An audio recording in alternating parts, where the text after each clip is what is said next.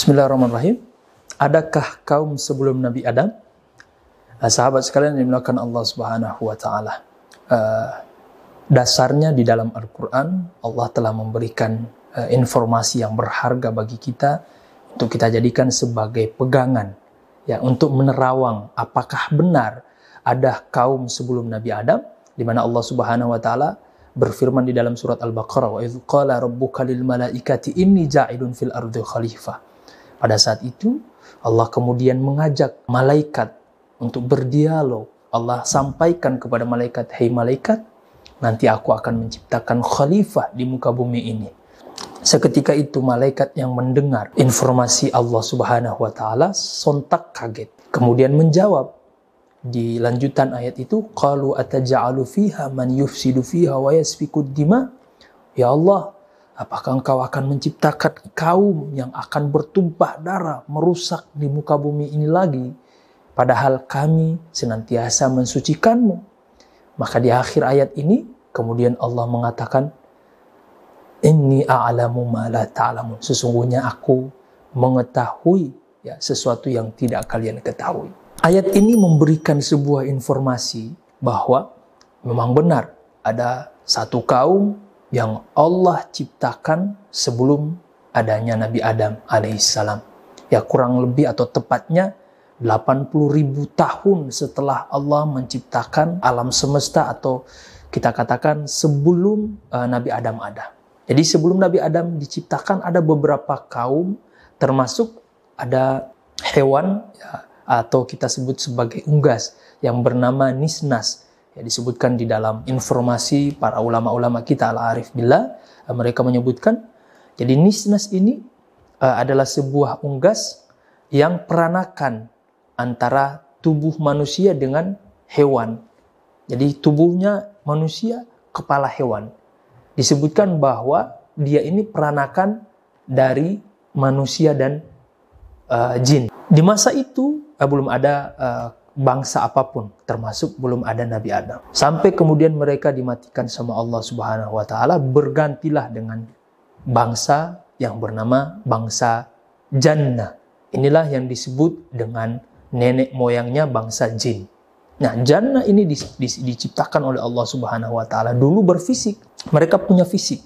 Ya, bahkan disebutkan kaki mereka itu ada yang Allah ciptakan berkaki dua, ada yang berkaki empat, dan yang terakhir yang paling banyak berkaki enam. Fisiknya manusia, ada, utuh, kelihatan ya pada saat itu. Karena tabiat dari bangsa jin ini memang dia sombong-sombong dan perusak, maka persaingan di antara mereka kemudian menjadi sebuah keniscayaan. Persaing sehingga menimbulkan konflik sampai kemudian konflik berdarah, perang sesama mereka, pertumpahan darah di mana-mana dan sebagainya.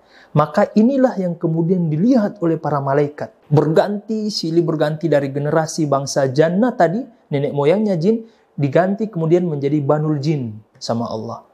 Berharap mereka bisa memakmurkan dunia, bisa memakmurkan bumi, eh malah justru bertengkar lagi, konflik lagi. Sampai kemudian Allah Subhanahu wa taala ya, mohon maaf dengan bahasa kita mungkin bosan melihat kondisi seperti itu, dikiamatkanlah sama dunia. Dan malaikat menyaksikan setiap peristiwa-peristiwa itu.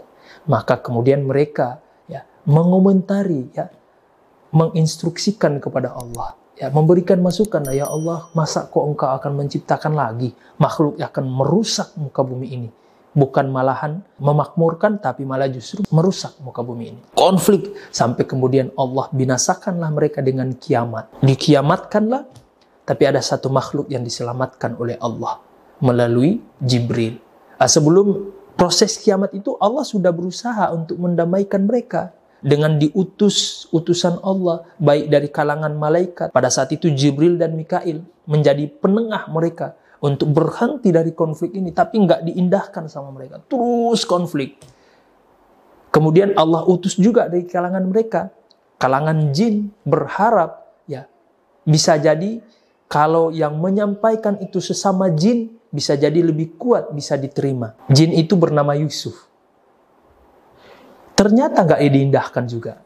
Maka Allah Subhanahu wa taala mengkiamatkan mereka, ya, menghancur lemburkan mereka, hancur semuanya, tidak tersisa kecuali satu makhluk ini yang bernama iblis yang nanti diangkat ke langit pada saat itu berumur 10 tahun. Singkat cerita, inilah yang disaksikan oleh malaikat. Baru setelah itu Allah kemudian mencoba lagi dengan bangsa jin.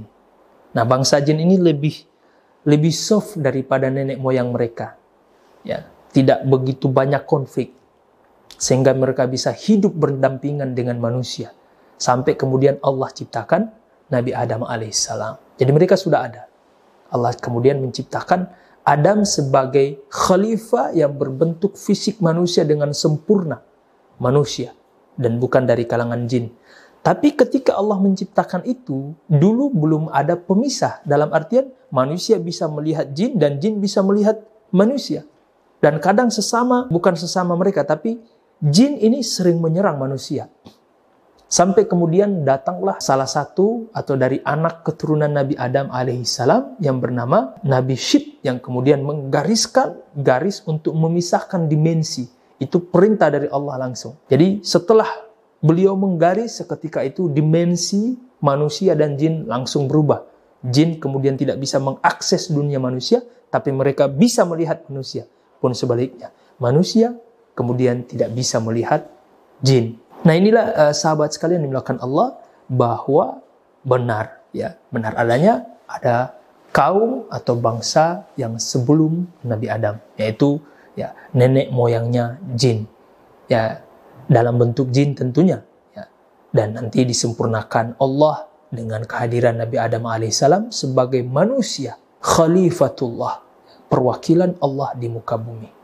Ya, jadi inilah landasan hukumnya yaitu ayat tadi di dalam surat Al-Baqarah bahwa benar ya karena yang dilihat oleh malaikat peristiwa itu itu hakiki dilihat oleh malaikat sehingga mereka memberikan masukan kepada Allah Subhanahu wa taala.